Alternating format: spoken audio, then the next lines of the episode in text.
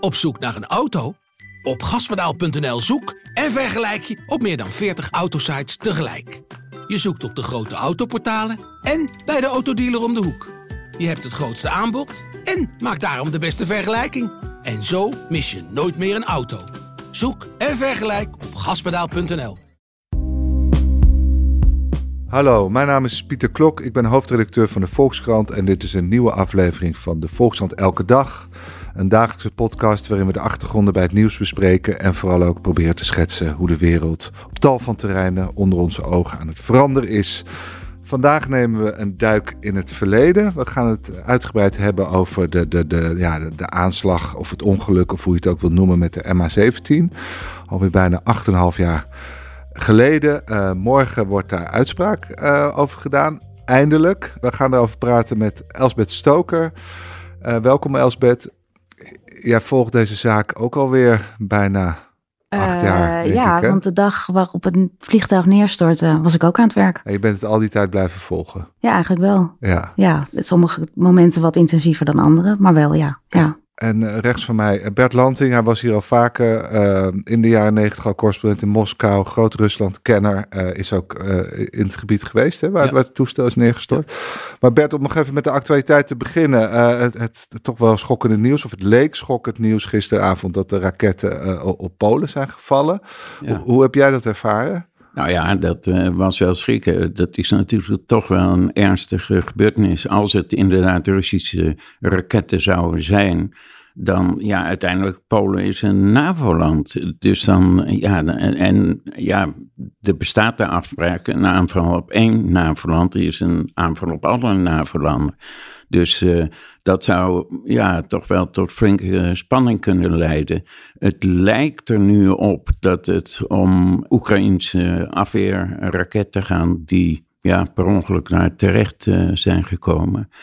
We moeten gewoon afwachten wat de uitslag van dat onderzoek is. Um, ja, ik denk wel dat de Amerikanen blij zouden zijn als dat inderdaad het geval blijkt. Ik vermoed niet dat die Russen nou echt bewust op een doel in Polen zouden schieten. Dat uh, denk ik niet. Dat is veel te gevaarlijk. Het kan een afzwaaier uh, zijn geweest, maar ja, dan, dan uh, zullen de, de NAVO-landen, en zeker de Amerikanen, die zullen Rusland wel waarschuwen van jongens, dat, dat moet niet nog eens een keer nee. gebeuren. Want dan ontstaan er echt problemen. Oké, okay, maar vooralsnog lijkt het niet op een aanval op de NAVO. Nee, ja, nou, dat zijn de laatste berichten. Ja. Goed, Elsbeth, uh, morgen wordt dan eindelijk uitspraak gedaan in, in het MH17-proces. Waarover moet de rechtbank precies beslissen? Uh, de rechters moeten oordelen of de vier verdachten, uh, dat zijn drie Russen en één Oekraïner, schuldig zijn aan het neerhalen van het vliegtuig en of ze schuldig zijn aan de moord op 298 uh, inzittenden. En eigenlijk als je naar de rechtszaak kijkt, zijn er drie vragen het belangrijkst.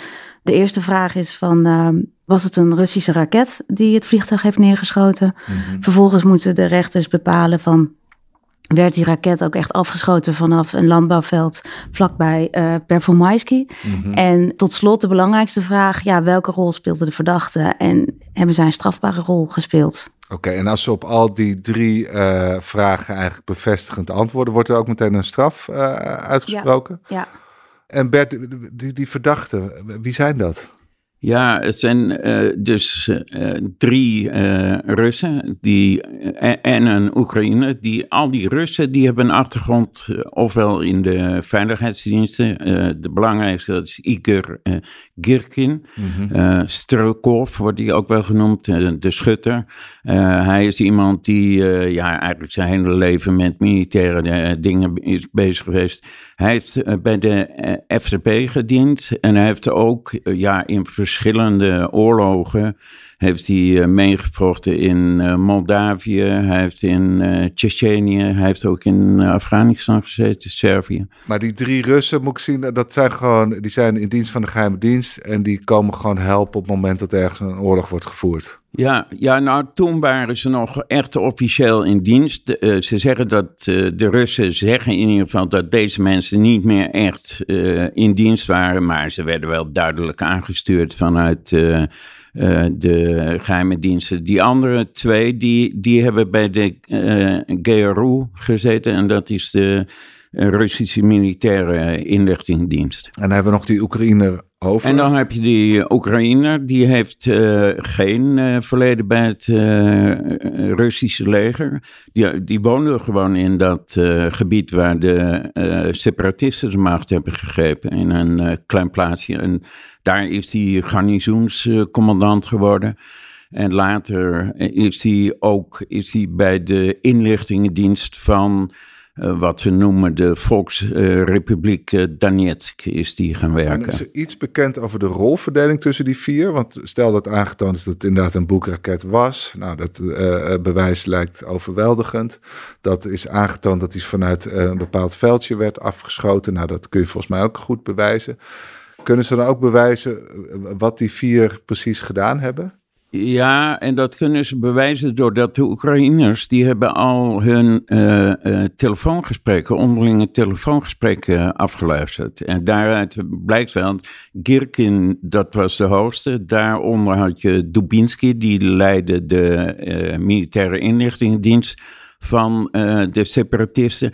Onder hem stond dan weer Alek Pulatov mm en die Garchenko ja, die stond onderaan. En uh, het is gewoon zo, ze konden gewoon daaruit kun je opmaken dat uh, Kirken, die heeft echt ja, die boekraket besteld. Nou, in zoverre hij heeft gezegd, ja, wij hebben gewoon echt luchtdoel raket hebben we nodig, want we moeten ons tegen de Oekraïnse vliegtuigen moeten ons uh, beschermen. En ook Dubinski heeft daar een belangrijke rol in gespeeld. En verder kun je uit die gesprekken kun je precies afleiden van welke rol ze in het vervoer en het, uh, ja, uh, die Garchenko en Pulatov, uh, die waren weer belast met, ook met het bewaken van, ja, van okay. de boekraket. Maar dat gaat er allemaal om wie heb, hebben die boekraket daarheen gebracht. Maar weten ja. we ook wie op een knop heeft gedrukt en wie nee. daar het bevel voor heeft gegeven? Nee, dat weten we niet. Oké, okay, dan gaan we ook nooit achter komen. Nee, uh, maar ja, uh, het uh, Openbaar Ministerie zegt van dat doet er ook eigenlijk niet toe, want ze hadden gewoon niet dat wapen mogen inzetten tegen een burgertoestel. ze zegt er is ook, ze, zij kunnen zich niet beroepen op oorlogsrecht, omdat ja, Rusland ontkent gewoon dat ze daar een rol hebben gespeeld. Ja. En dus was er geen internationaal uh, conflict, dus geldt het nee. oorlogsrecht niet. Waren dit een soort uh, ja, uh, amateurs of vrijwilligers die gewoon ja. maar deden waar, waar ze zin in hadden. De redenering is dat deze vier waren verantwoordelijk voor dat wapen, dus zijn ook verantwoordelijk voor de inzet van het wapen geweest. Dat is de redenering. Ja. Elsbeth, nou waren ze alle vier de verdachten afwezig bij het proces. Nou, ja. Eentje heeft zich in ieder geval nog laten vertegenwoordigen door een advocaat. Stel dat er een gevangenisstraf wordt uitgesproken, uh, hoe groot is dan de kans dat, dat ze ook echt uh, worden opge opgepakt? Uh, heel klein. Eigenlijk niemand gaat ervan uit dat ze in ieder geval niet op korte termijn hun gevangenisstraf uit zullen zitten. en misschien zullen ze wel nooit hun gevangenisstraf uitzitten. Maar wat moet er gebeuren om, om dat wel voor elkaar te krijgen? nou, veel. ik heb onder andere strafrechtdeskundige Marieke de Hoon hierover gesproken. En zij zei van ja, Weet je, je weet nooit wat er in de toekomst gebeurt. Misschien komt het huidige Russische regime wel ten val. En komt er een nieuw regime wat wel zijn verantwoordelijkheid neemt. En alsnog deze mensen hun straf uit laat zitten. Ja. Maar ja, dat, ja, of dat gaat gebeuren, dat weten we niet. En dan hebben ze wel die, die, die bevelsketen, zou je kunnen zeggen, van deze vier kunnen reconstrueren. Kunnen ze ook nog hoger komen? Dat je uiteindelijk bij Poetin eindigt misschien wel. Die heeft verordeneerd dat dit een goed idee was. Hebben ze dat nog geprobeerd? Nou, ze zijn nog bezig met het onderzoek. Toen in uh, 2019 uh, is er een persconferentie geweest. Daar is toen uh, bekendgemaakt dat deze vier verdachten uh, werden vervolgd. En toen hebben zowel het OM als de hoofd van de landelijke recherche gezegd van dat het plaatje nog niet volledig ingekleurd was. En dat ze dus nog verder onderzoek zouden gaan doen. En dat dat onderzoek zich zou richten op eigenlijk twee sporen. Ene spoor van wie drukte op de knop. En het andere spoor van ja, wie zaten er nog boven deze, deze vier mensen. Ik heb het OM vorige week gevraagd hoe het daarmee staat. Volgens de woordvoerder was het onderzoek nog bezig. Ik weet niet uh, ja, hoe intensief het onderzoek nog bezig is. En ze zei van, uh, ja, na deze uitspraak maken we de balans op en wordt duidelijk of het blijft bij deze vier mensen of dat er nog andere mensen vervolgd gaan worden. Maar Bert Bellingcat, dat onderzoekscollectief, heeft hier ook veel onderzoek naar gedaan. Zijn die wel verder gekomen? In de bewijslast? Ja, nou, ze hebben een heleboel natuurlijk uitgevonden, want ze, ze hebben wel vastgesteld uh, waar dat uh, vandaan kwam. En dat kwam van een uh, Russische luchtverdedigingseenheid. Mm -hmm. Kijk, je mag echt niet met zo'n boekinstallatie, dat is een enorm ding. En uh, ook een gevaarlijk ding, daar mag je echt niet zomaar mee gaan toeren. Dat, dat, dat houden ze, dat, daar moeten ze toestemming voor gekregen Van de hoogste legerleiding. En zeker als je een grens overgaat en als je dan je ook nog uh, in een conflict met een ander land gaat bemoeien, alhoewel ze zeiden dat dat er niet was dan, ja, weet je, dan is het onvoorstelbaar dat, het, uh, dat de hoogste le legerleiding hiervoor geen toestemming heeft gegeven. Ja, dus die wisten ervan dat die boeken ja, van de Oekraïne en, geen... En, en de Bellingcat, die heeft dus door al die, uh, ja, die uh, beelden uit sociale media te verzamelen, hebben ze gewoon die hele route kunnen volgen. Ja. Uh, die, uh, die boekinstallatie heeft, uh, heeft afgelegd. Maar je hebt veel nagedacht over de, de, deze aanslag de afgelopen jaar. Wat, wat, wat, wat is toch het scenario wat, wat het jou het meest waarschijnlijk acht? Is dat toch dat ze op laag niveau op een gegeven moment een hele domme beslissing hebben genomen? Dus op hoog niveau is het besluit genomen om die boek daarheen te brengen. En dan is misschien uiteindelijk op laag niveau gedacht van... oh, wat is dat voor vliegtuig? We schieten het gewoon uit de lucht. Of is daar iets over bekend of, of tasten nou, we in het, het duister? Het was wel duister, duidelijk dat uh, in juli uh, 2014, toen stonden de separatisten onder, onder een geweldige druk. En het leek er op een gegeven moment op dat ze zouden gaan verliezen. Werden steeds meer naar achteren gedrongen. En Oekraïense de luchtmacht viel een gebied aan dat het, ligt, het lag heel dicht bij de Russische uh, grens. Mm -hmm. En daar heb je een uh, heuvel met een oorlogsmonument op, Sabur uh, Mahila. Mm -hmm. En dat, als je daarop staat, dan kijk je echt tientallen kilometers uit. En dan kun je bijna kun je Donetsk zien liggen. En die was in handen van de separatisten. En nou ja, die werden daar voortdurend aangevallen. En, en, maar ja, die konden weinig uitrichten tegen die uh, militaire toestellen. En die hebben daarom gevraagd om zwaarder materieel. Nou, dat hebben ze gekregen. Normaal is het zo, zo'n boekinstallatie, die moet je eigenlijk op een, radar aansluiten en inpluggen in uh, ja, een computersysteem, waardoor je ook de uh, civiele uh, vliegtuigen kunt zien, de routes. Maar dat hadden ze niet meegeleverd. En, en daardoor, ja, die lui die, die schoten gewoon maar op ieder vliegtuig dat ze zagen overkomen. En ze hebben hem waarschijnlijk inderdaad per ongeluk uit uh, de lucht geschoten. Zij dachten dat het een uh, Oekraïns uh, militair vrachtvliegtuig was. Ja. Elsbeth, je, je, hebt ook veel nabestaanden gesproken in de, in de loop der jaren. En, en nu weer, hè, vanmorgen had je het een Australisch echtpaar in de krant die hun zoon hadden verloren. Hoe, hoe belangrijk is de dag van morgen voor, voor hen? Veel nabestaanden zien het toch als een historische dag. Ook al zullen de verdachten waarschijnlijk nooit hun, uh, hun straf uitzitten. Maar je moet je voorstellen, die mensen hebben dus uh, ja, hun geliefde verloren. Mm -hmm. Maar daarna zijn ze ook meteen in een soort van strijd om de waarheid terechtgekomen. Waarbij dus uh, Rusland zei: dit en dit is er gebeurd. Oekraïne zei: dit en dit is er gebeurd. En zij hechten gewoon heel veel waarde aan het oordeel van de, van de rechters. Omdat uh, eigenlijk afgelopen 2,5 jaar heeft het proces geduurd. En tijdens het proces zijn natuurlijk alle bewijsstukken in het openbaar gepresenteerd. De rechters hebben het zorgvuldig gewogen. En zij hopen dus nu dat er straks een uh, ja, gezaghebbend vonnis komt te liggen. Uh, waarin dus heel accuraat staat beschreven uh, wat, er, wat er is gebeurd. En dat de hele wereld ook kan zien, dit is er gebeurd. Ja, dat is nog belangrijker voor hen, dat dat nu eens keer voor eens voor altijd duidelijk wordt. Van, van dit is er precies gebeurd, dan dat, er, dan dat die schuldig uiteindelijk voor de rechter komen. Ja, nou, degene die ik heb gesproken, die zeggen van ja, we maken ons geen illusies meer dat die nee. schuldigen ooit in de gevangenis belanden. Natuurlijk hopen ze het, maar daar gaan ze dus ook niet meer van uit. Een deskundige die ik sprak, die zei, het vond ik wel mooi van, ja, het is misschien geen perfecte strafzaak, hè, want in een perfecte strafzaak wil je natuurlijk gewoon dat de dader in de cel verdwijnt. Maar als je accepteert dat ze dus niet in cel verdwijnen, dan is het toch nog steeds echt heel waardevol en ook wel historisch. Ja. Goed, uh, Bert, jij bent in het gebied geweest. Uh, vlak na de, de, de aanslag uh, slash ongeluk, volgens ja, mij. Ook, ook, uh, ook wel daarvoor uh, ben ik in het... toen, toen die burgeroorlog ja, toen, toen het begon. Ja en, ja. en toen je daarna kwam, je ben je in het dorpje ook geweest... waar, waar het uiteindelijk het vliegtuig ja. en, en de, de en slachtoffers daar, neerkwamen? Ja, dat, is natuurlijk ook wel raar. Dan zie je de andere kant. Want daar wonen natuurlijk mensen die er eigenlijk ook weer heel weinig mee van doen hadden. En, en die kregen opeens kregen die gewoon wrakstukken van het vliegtuig uh, over zich heen. En ja, echt afschuwelijke verhalen. Natuurlijk gewoon ook uh, ja, uh, lichamen van, van passagiers die gewoon bij hen bijvoorbeeld door, door het dak vielen. En ja, die mensen die zijn ook getraumatiseerd. Ja. Dat is natuurlijk, ja, die mensen zijn ook onschuldig aan. Ja.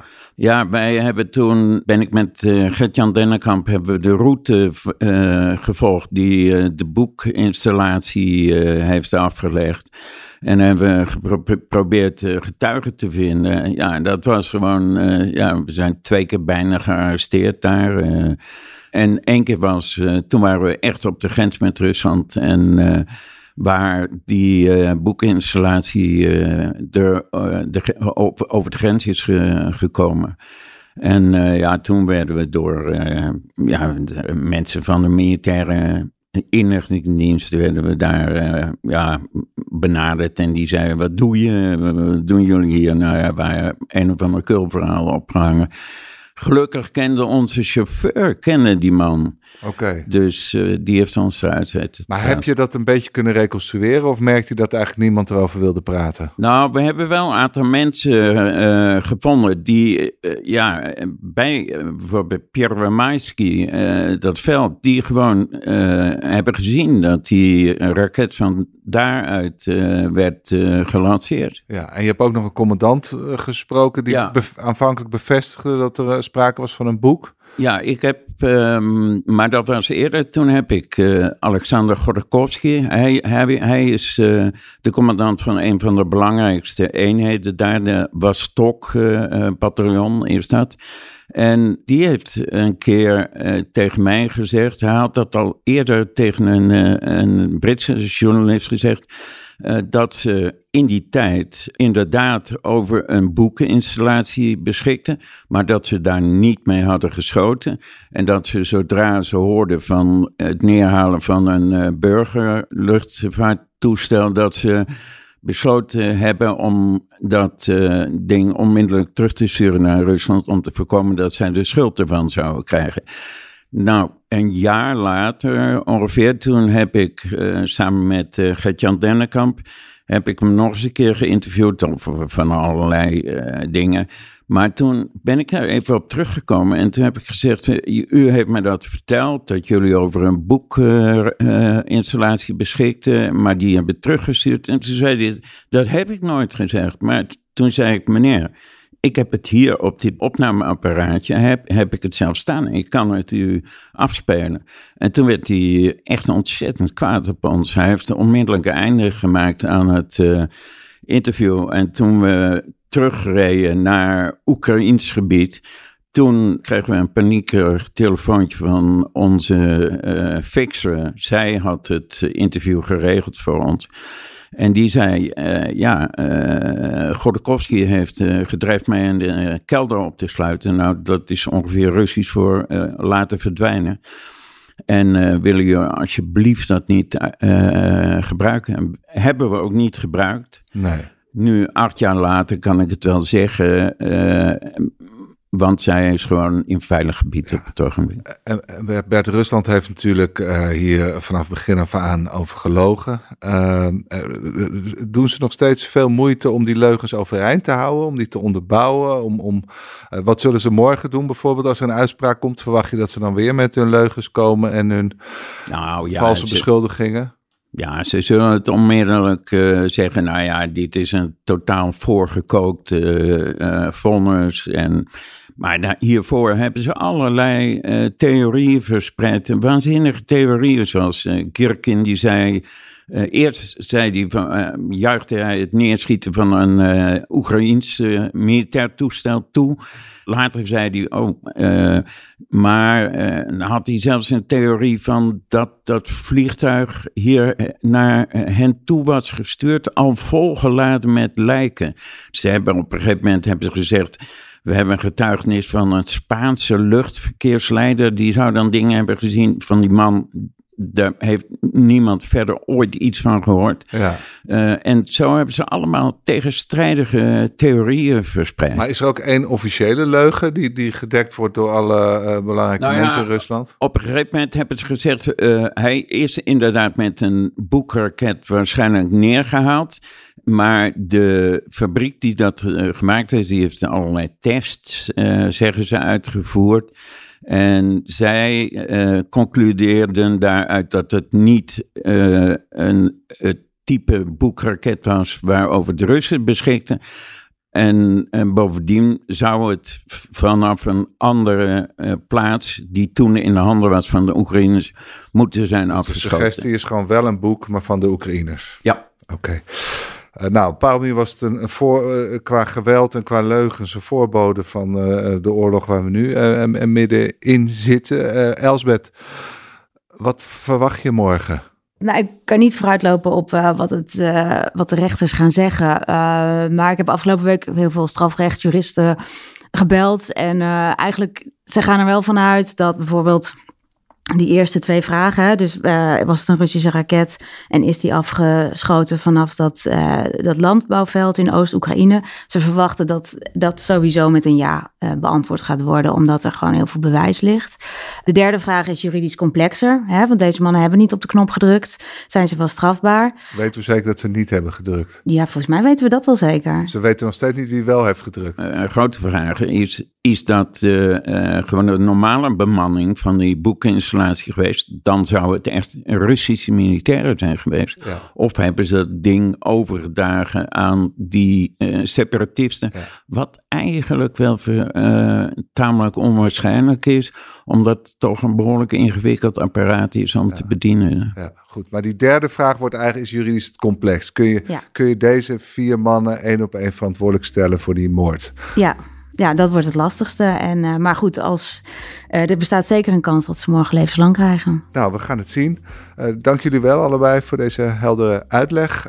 u luisteraar, dank voor het luisteren naar deze aflevering van de Volkskrant Elke Dag. Morgen zijn we er weer. Dan gaan we het hebben over de klimaattop in Sharm el-Sheikh. En dat doen we met Ben van Rij en Maarten Keulemans. Graag tot dan.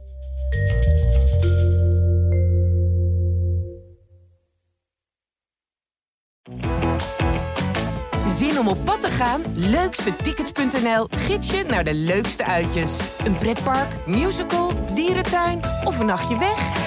Start je zoektocht op leukstetickets.nl.